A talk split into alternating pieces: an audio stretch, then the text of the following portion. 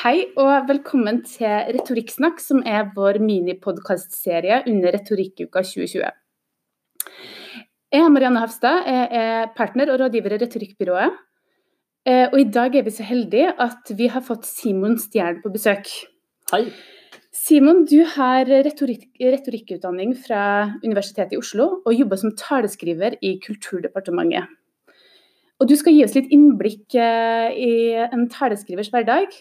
Først, bare velkommen. Tusen takk for at du ville komme. Tusen hjertelig takk for at jeg får lov til å være her. La meg først benytte anledningen til å berømme eh, dere for opp Retorikkuka, som er et fantastisk avbrekk, ikke bare i en vanlig hverdag, men spesielt i en koronapreget hverdag som denne. At dere gjennomfører digitalt. Det er til stor inspirasjon. Ja, tusen takk for det, det er godt å høre. Det her, det har måttet kaste litt rundt, og podkast eh, Eh, studiet har blitt gjort på rekordtid, men eh, vi håper det, vi håper det går. Men eh, altså, hva gjør egentlig en taleskriver? Du gikk fra, egentlig rett fra studiet i retorikk mm. og fikk jobb som taleskriver. Ja. Hvordan er din hverdag? Hva, hva gjør du? Veldig sånn kort fortalt så er jo en taleskrivers jobb å utforme skriftlige eh, budskap som skal fremføres muntlig. Og så er det Det er liksom en short story. Og så den lange versjonen er at det er vanskelig å sette fingeren på noe sånn helt konkret. Altså det er veldig, veldig variert. Eh, for det første så er det eh, veldig mange taler, altså et veldig høyt antall taler. I fjor så skrev jeg nesten 200, så det er på en måte omtrent én per arbeidsdag, så å si. Eh, og da, klart at da er det jo veldig mye som går raskt å skrive, og som er kjappe åpninger av festivaler ja. og, den, og den type ting. Men også de talene krever krever respekt. Så mm, mest av alt så er jeg en, en tidssparer for eh, den til enhver tid sittende kulturministeren, ja. som får eh, masse invitasjoner. Og det er en veldig synlig statsrådspost, så det er veldig mye ute å snakke med og til folk. Så det å mm, måte være med og fasilitere slik at statsråden kan få til mest mulig, er, er min jobb på overflaten. Og så handler det i praksis om å sy sammen det um, som statsråden antageligvis og forhåpentligvis hadde skrevet selv, hvis vedkommende hadde hatt tid. Men det er en grunn til at dette er en 100% stilling, på en måte, og at det ja. fins. Uh, I dialog med alle de fantastisk flinke folkene i departementene som sitter i de ulike avdelingene og har liksom spisskompetanse. Men da skriver du òg for andre i altså for en rekke folk innenfor Kulturdepartementet òg? Ja, det er altså- stort sett statsråden som ja. taler. Ja. Eh, så når jeg sier opp mot 200, så er det 200 for, for kultur- og likestillingsministeren. Ja. Rett og slett. Så det er jo ofte flere ting per dag. Liksom. Men tenk på det du sa i begynnelsen. fordi det med å altså en skriftlig tale, du begynner med skrift, for det har mm. vi blitt testa på i det siste, når vi plutselig må skrive manus og det skal filmes. Mm. At det er en ganske stor overgang at vi har gjennomarbeidet manus, og så merker vi at oi, det blir liksom mm. Det blir litt annerledes når vi faktisk eh, skal stå og snakke foran kamera. Absolutt, og det er en nøkkel, eh, nøkkelinnsikt. At det er en veldig stor forskjell på det å skrive for øyet og ja. det å skrive for øret. For hvis, jeg, hvis, man leser en bok, så kan du lese et avsnitt, kan du humre litt og tenke oi, dette var gøy. Gå tilbake, lese samme avsnitt på nytt. Ja. Når du fremfører en tale, så er det bare der og da at den talen skjer. Så da må det være eh, skrevet på en måte som først og fremst gjør statsråden eh, komfortabel. Det må ja. være en måte som statsråden kjenner seg igjen i, og som er hans eller hennes språk. Og så må det være i en form som er veldig konkret for, for tilhørerne. Ja. Så at man veldig raskt kan forstå hva det er som sies.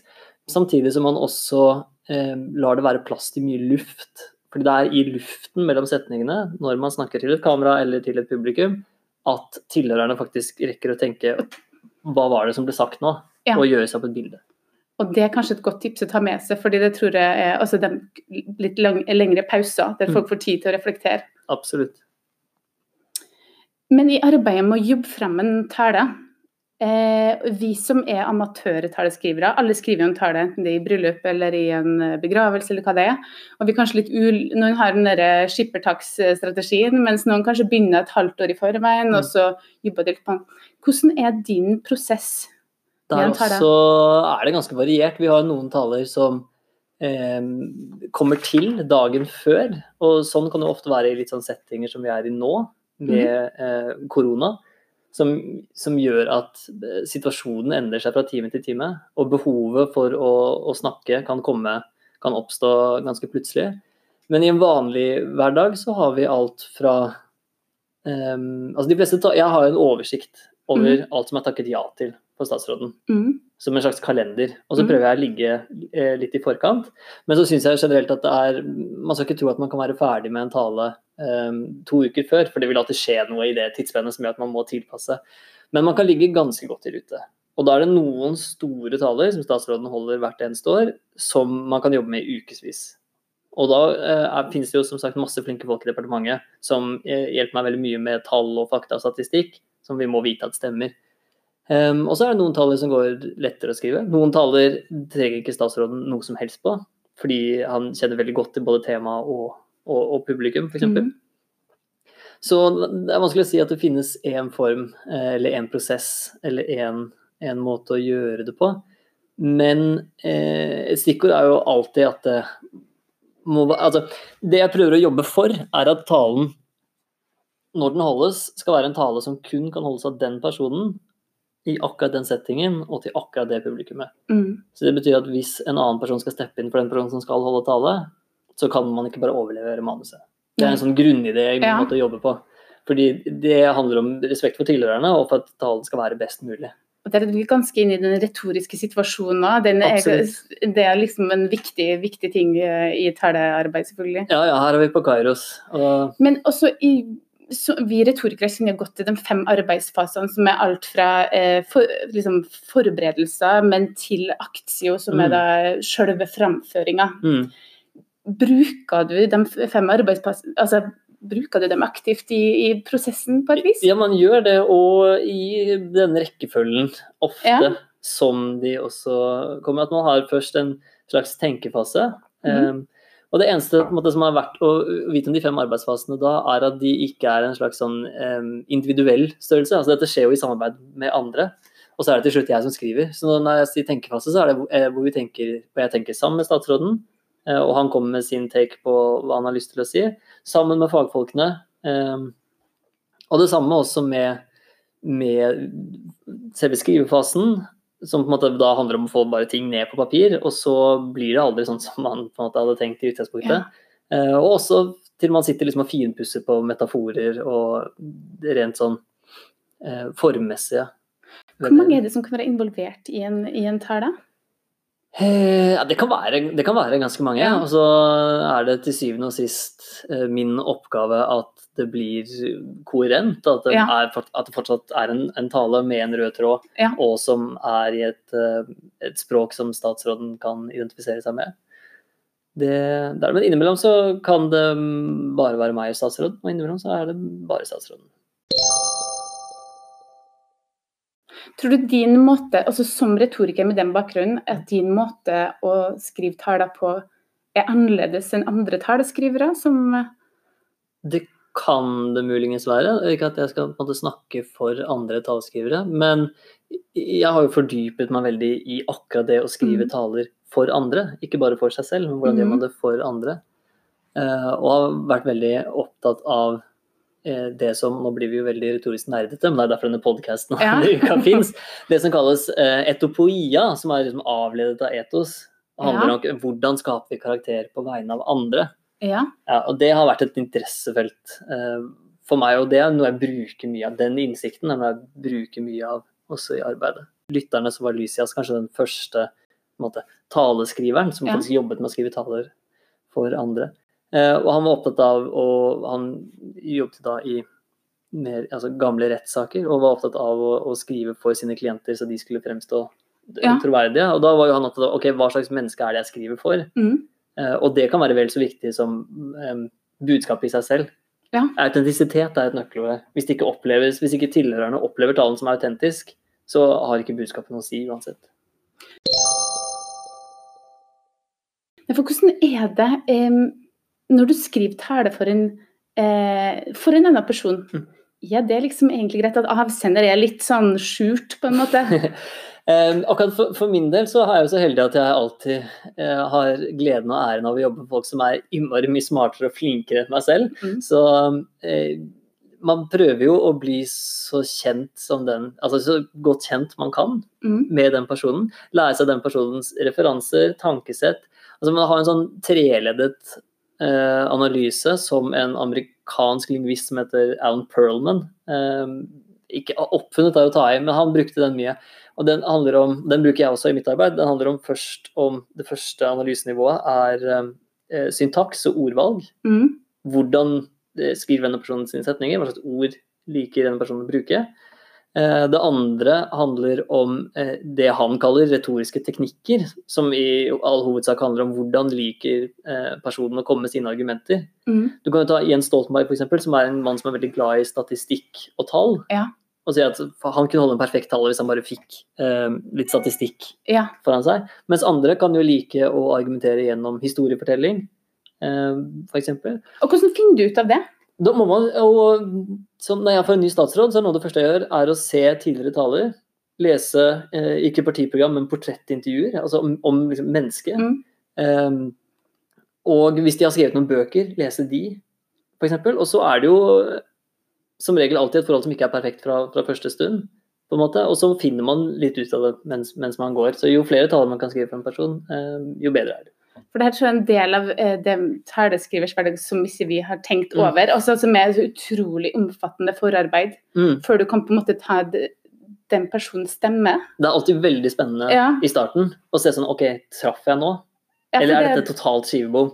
Og det kan det jo være innimellom. Ja. Og det har hendt flere ganger at en statsråd har måte tatt talemanuset og sagt sånn Dette var ikke helt det jeg hadde tenkt. Og så Ja. holdt en tale som er helt fantastisk. Men det jo, som taleskriver så er man jo aldri mer lutter i øret enn i akkurat de situasjonene. For det er jo en kjempemulighet til å forstå Ja. ok, hva var, det, hva var det statsråden egentlig hadde lyst til å si. Ja. Og så bare notere. Men um, hvilke retoriske konsept er det som er viktigst for deg i jobben din? Altså, vi, da, nå har vi vært litt inne på retorisk situasjon, og du har Mm. snakka om personer. Eller med, hva er det du ville løfta fram som det? Ja, Det er nok eh, altså det som vi kaller kairos, i, Kairo, i, ja. som er liksom det aller, aller viktigste. Og er å forstå hva slags situasjon er det vi står i nå. Mm. For hvis man ikke forstår det, eller har en viss uh, forståelse av hva man står overfor, så, så hjelper det ikke å ha de flotteste metaforene eller det beste Nei. budskapet. Hvis man ikke vet ok, hva er min rolle i denne situasjonen, hvem er det jeg snakker til, og hvorfor forventes det at jeg snakker nå. Ja. Eh, For viktigere enn sånn 'hva er det jeg skal si', er kanskje setningen 'hva er det jeg ønsker å oppnå' med det Ja. jeg skal si. For det er litt av det vi, vi ser at den oppfatninga av hva retorikk er, det handler jo om det der språklige, altså, den språklige valga du tar. Og det eh, folk er nok mindre, har mindre kunnskap om akkurat Kairos, altså hvor viktig det er å måtte få det oversiktsbildet mm. og prøve å analysere situasjonen du skal gå inn i. Ja, jeg tror um, at veldig mange tenker at uh, ikke bare jeg, men taleskrivere generelt først og fremst er ekstremt dyktige til å skrive. Ja. Og det kan godt være, men det er ikke nødvendigvis det viktigste. Da kunne, altså, da kunne man jo valgt forfattere som sine taleskrivere, f.eks. Det er mye viktigere å um, å lære seg å forstå spillet og, mm. og forstå personen. Ja. Altså det er bedre, for meg så er det viktigere å være en god lytter enn å være en god skribent. Og så håper jeg at jeg er litt av begge deler. Ja, det er godt å høre. Og det er, fordi retorikk handler jo om påvirkning. Vi ønsker, vi, vi ønsker å skape handling. Det er det som er målet. Hvordan forholder du deg til påvirkning i din jobb? Ja, jeg mm, er jo mest mulig eh, Altså en best De beste taleskriverne synes aldri. Det er jo en sånn evig pågående debatt i eh, taleskrivermiljø om bl.a. John Favreau, f.eks. taleskriveren til Obama, Mm. som ble veldig veldig synlig eh, som taleskriver og kunne gå ut og si sånn jeg skrev disse og disse passasjene og er veldig stolt av det. Um, og trekk, han trekker jo alltid frem en, en tale hvor Obama peker ut eh, John Favreau i salen og Mm. sier sånn That's my man. That's my guy. Eh, For meg så er det liksom det verste som kan skje. Ja. Altså Hvis noen eh, kommer til meg etter at statsråden har holdt en tale og sier sånn Og den paragrafen skjønte jeg at var Simon. Da er det Ja, okay. mislykket for Ja. meg, da. Men hvis Du ser ikke på det som ros. Nei, det er ikke ros. mm. Men hvis, kommer, hvis jeg kan stå i, rundt statsråden, og så kan noen komme bort til uh, ham eller henne etterpå og si uh, for en fantastisk tale, takk for at du uh, snakker rett fra hjertet, f.eks., Ja. eller er så ærlig og, Ja. eller føler så mye, da tenker jeg yes, nå traff vi noe. At det er interessant, for det blir på en måte ditt hovedmål. At Det er mitt hovedmål. Bli, ja, ja. Så min form for påvirkning er i hvor stor grad statsråden greier å påvirke. Ja. Så man spiller seg selv veldig ned. Det gjør man. Men det er det fine ved det også. Ja. tenker jeg. Derfor man velger Hmm. Men kan vi skrive eh, du kan, altså Det byttes jo statsråder òg. Eh, er det mulig å skrive gode taler hvis du egentlig er kanskje uenig i det som skal bli sagt? Kan det være et problem av og til? På kulturfronten hvor jeg jobber, så er det jo ikke eh,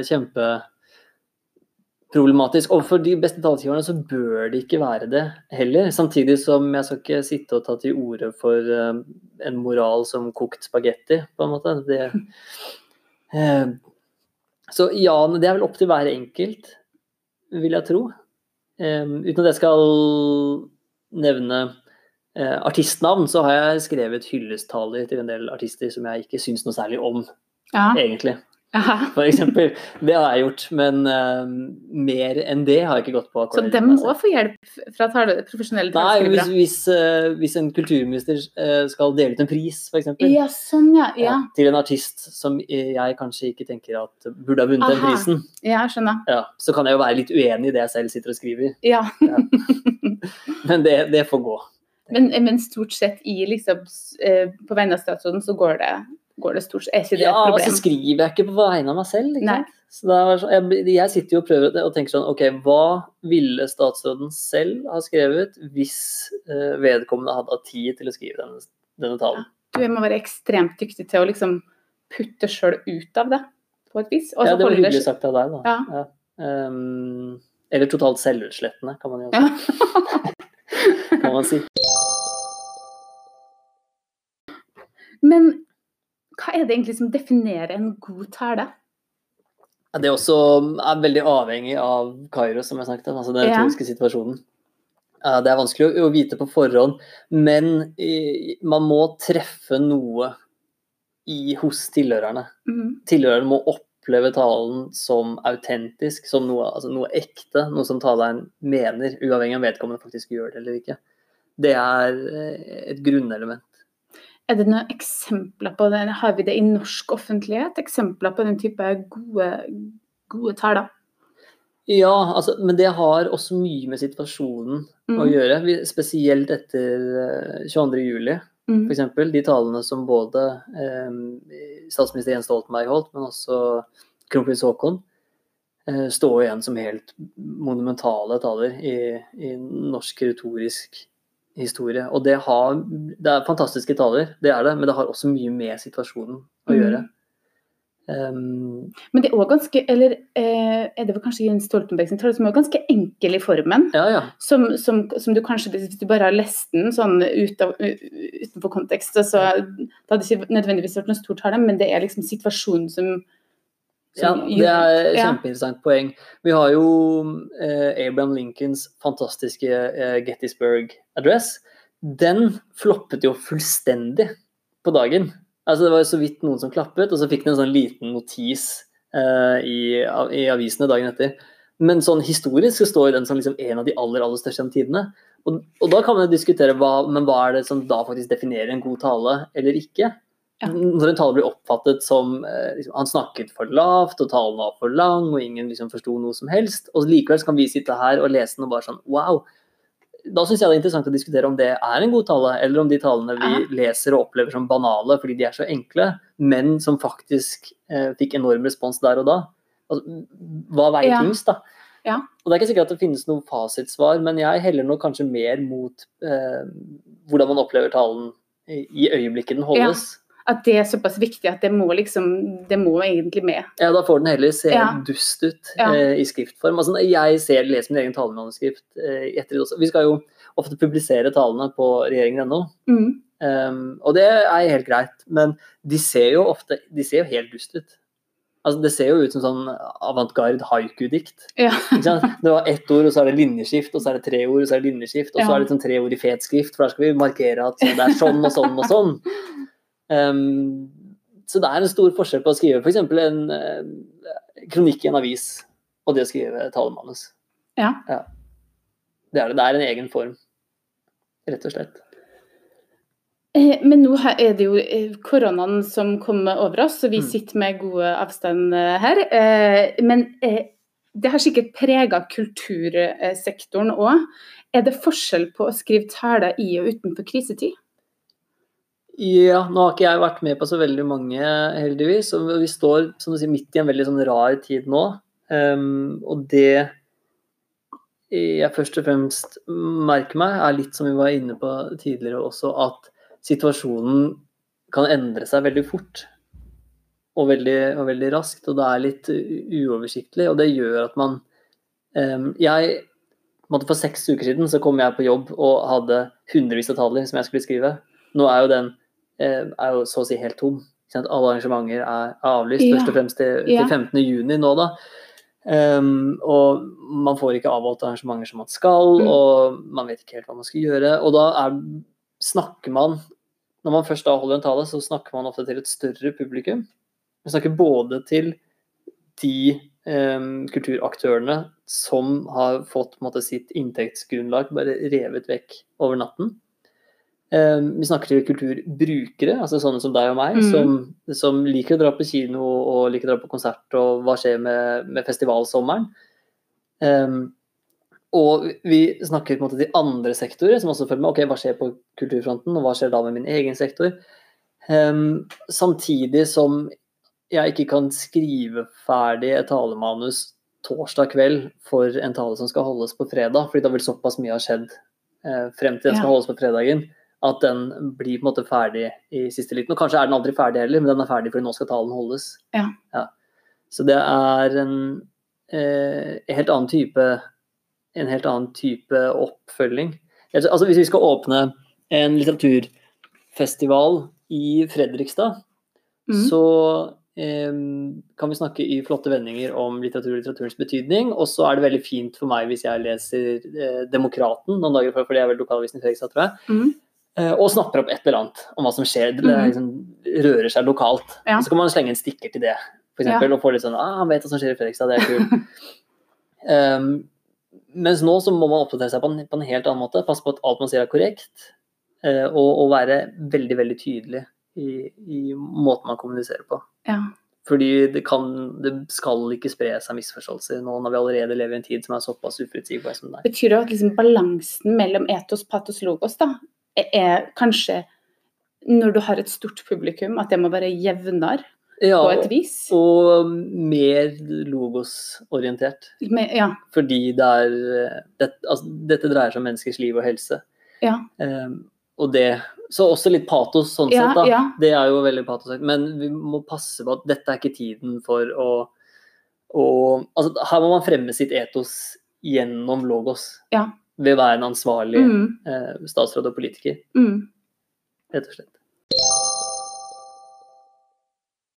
Men det vanskeligste kan ofte være å begynne å starte en tale og avslutte. Har du noen gode tips? Det er sikkert mange nå, konfirmasjoner har blitt Mm. eh, utsatt, men de kommer. De gjør det.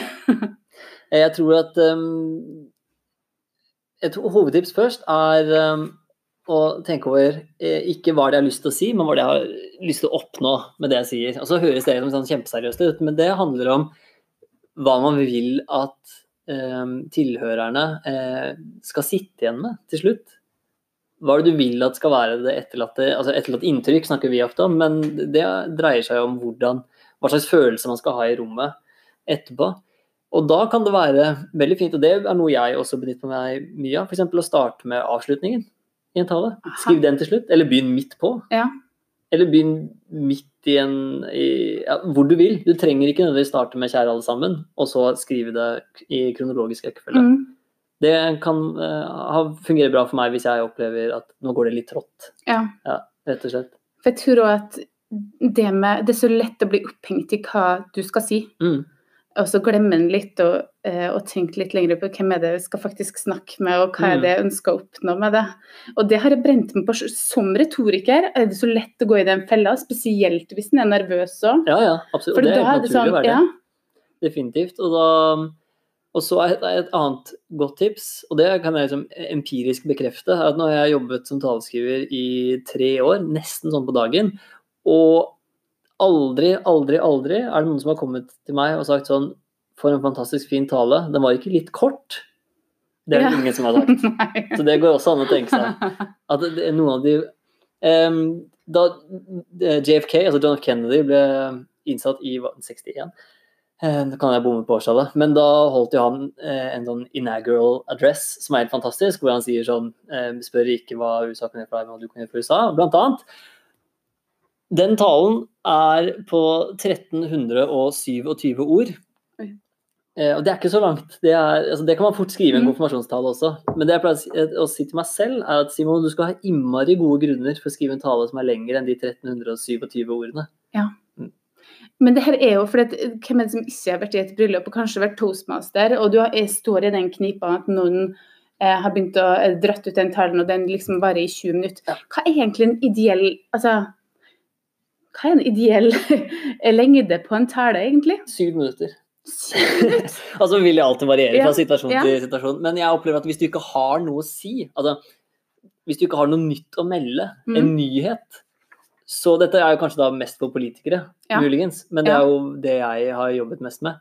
Da hvis vi ikke har noe å komme med, så er det ikke noe særlig vits å snakke mer enn syv minutter. For Nei. etter syv minutter så begynner folk å miste interessen, nesten Ja, ja, uansett hva du snakker om og hvor flink du er til å holde tale. Så, men hvis du har noe nytt å komme med, så kan du, da, får du på en måte, da kjøper du deg nye syv minutter. Ja. Så jeg tenker ofte i syv minutters bolker. Men hvor lang er dine tall, dem du skriver for statsråden? Eh, varierer det ganske Ja. mye? Det gjør det. En klassisk eh, åpning av en festival eller tilsvarende er et sted mellom eh, fire og syv minutter. Ja. Men vi har også måte, State of the Union på kulturområdet, som kan være tre kvarter, en time. Ja. Um, Er det mer krevende å skrive de lange tallene, eller? det det er mer krevende å Nei, altså ofte så kan det være um, ganske krevende å skrive korte taler, for da har du jo noe du har lyst til å liksom, oppnå med de tilmålte minuttene. Um, I lange taler så har du plass til alt. Ja. Da kan du virkelig utbrodere og lange digresjoner. Men samtidig, hvis den skal da holde på oppmerksomheten til tilhørere, Ja. har den altså Det er helt riktig. Ja. Da må man tenke, da man Og det er noe noe du sånn, legger inn. ja, da må man tenke litt sånn historiebasert. Ja. Som hvert, altså et syv minutter så må det komme med en ny tematikk. Og da må man ha et eller annet i den tematikken som fenger. Så s- i måte, veldig lange taler så er det bolker på syv. tenker jeg, Bolker på syv minutter, og så må de må jeg passe på at de liksom er gode nok. Ja. Ja, og så må det i tillegg da være en rød tråd okay. gjennom disse syvminuttersbolkene. Eh, men det er et godt tips, syns jeg i hvert fall, å ha med seg. Altså tenk bolkvis. Mm. Og at Og så er det ikke noe Det er ikke noe galt i å skrive ti bolker på syv minutter som ikke henger sammen i det hele tatt, og så sy de sammen til slutt. Nei. Altså Man kan tenke litt sånn klipp, Ja. og, og, klipp og lim, og ikke minst også sånn øv på, på talene. Altså prøv prøv å fremføre det. Fordi ofte så kan setninger som ser helt fine ut i skrift, Mm. eh, virke veldig rare når du fremfører de muntlig. Ja. Og da kan det være at det ordet som er nummer tre, kanskje skal være nummer fem. Um, og selv om det ser feil ut, så er det det som høres riktig ut. Og hvor viktig er det da for en statsråd f.eks. Uh, det med kroppsspråk, Mm. er det noe som de øver på? Nå har jeg jobbet med såpass uh, flinke og rutinerte og dyktige statsråder som, har, som er virkelig inne i gamet, så dette kan de. Og jeg har vært så heldig å få skrevet for statsråder som virkelig ønsker å holde tale. Ja. Så det er jo en drøm for en talskriver å ha, ha sånne. Men jeg tror at hvis man skulle drevet med det frilans, f.eks., eller hatt Ja. et byrå som, som skriver taler, så er fremførelse og kroppsspråk noe man absolutt burde ha med som en del av pakka ja. i det å, å, å skrive en tale. For det legger ikke du nødvendigvis inn i din pakke? Nei, de er så Nei. flinkere enn meg. Ja. ja. ja, de er så godt trent på det her. Ja, ja, ja, og har gjort det lenge og er kjempe, kjempedyktige. Så um, i, i den grad eh, jeg tenker på det, så er det mer i retning av at jeg noterer meg hvordan de holder tallet, og så prøver å, å, å legge opp til det. Ja. Altså er det en person som liker å fekte mye med armene, så kan vi ha en sånn 1-2-3-argumentasjon hvor du slår Hvis Ja. det er en person som gjør Ja. mye av det. Så det er mer at jeg spiller på statsråden enn at statsråden spiller på meg.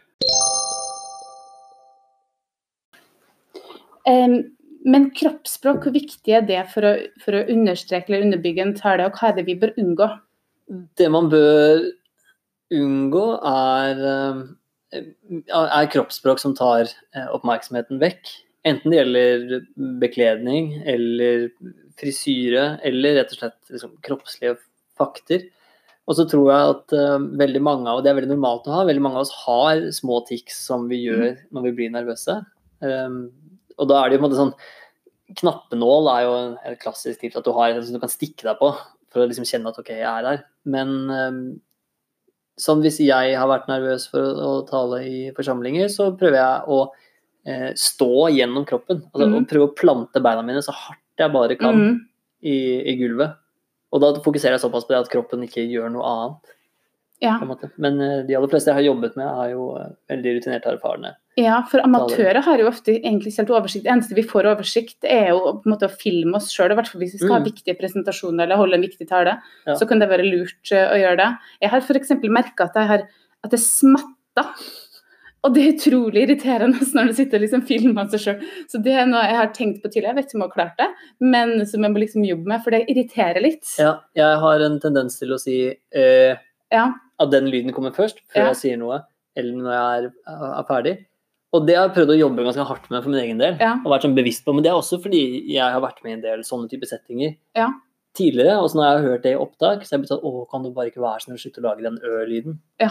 Så, så jeg tror ikke man skal være flau over å ta opp seg selv, eller Nei. filme seg selv før man skal holde en tale. Nei, for alle har det. Ja, alle ja, har det noen ting. Og det er bare liksom finne det ene som kanskje du trenger å jobbe med, og så Ja, blir det Og så vil man jo nå ut med det eh, man har på hjertet. Ja. Forhåpentligvis, for da har man jo skrevet en god tale hvis man har noe man har lyst til å fremføre. Og da er det ikke noe galt i å øve på det, Nei. eller å se seg selv i speilet eller filme det.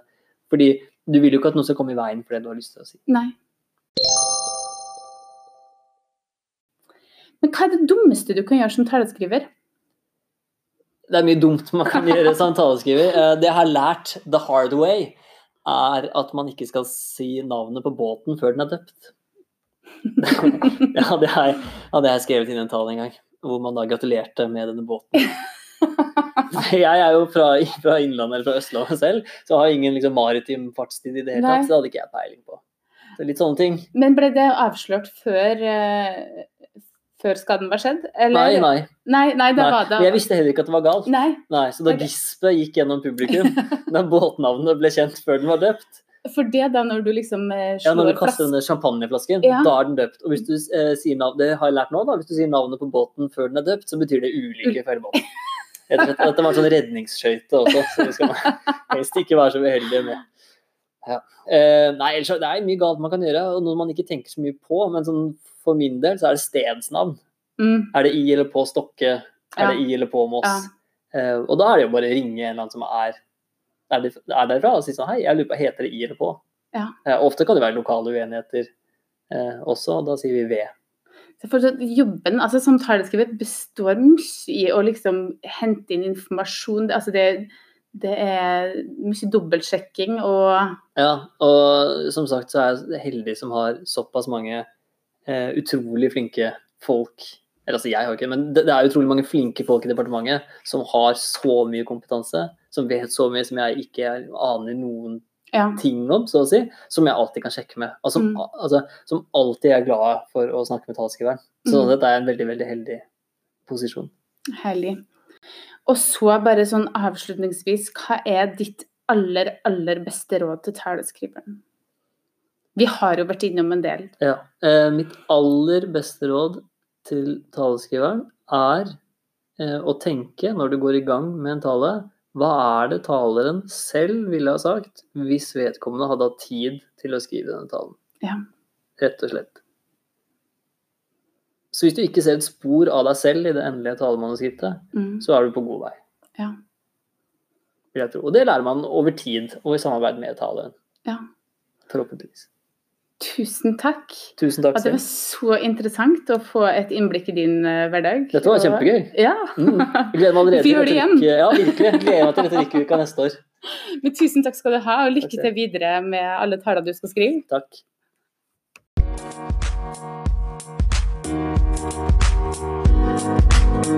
Thank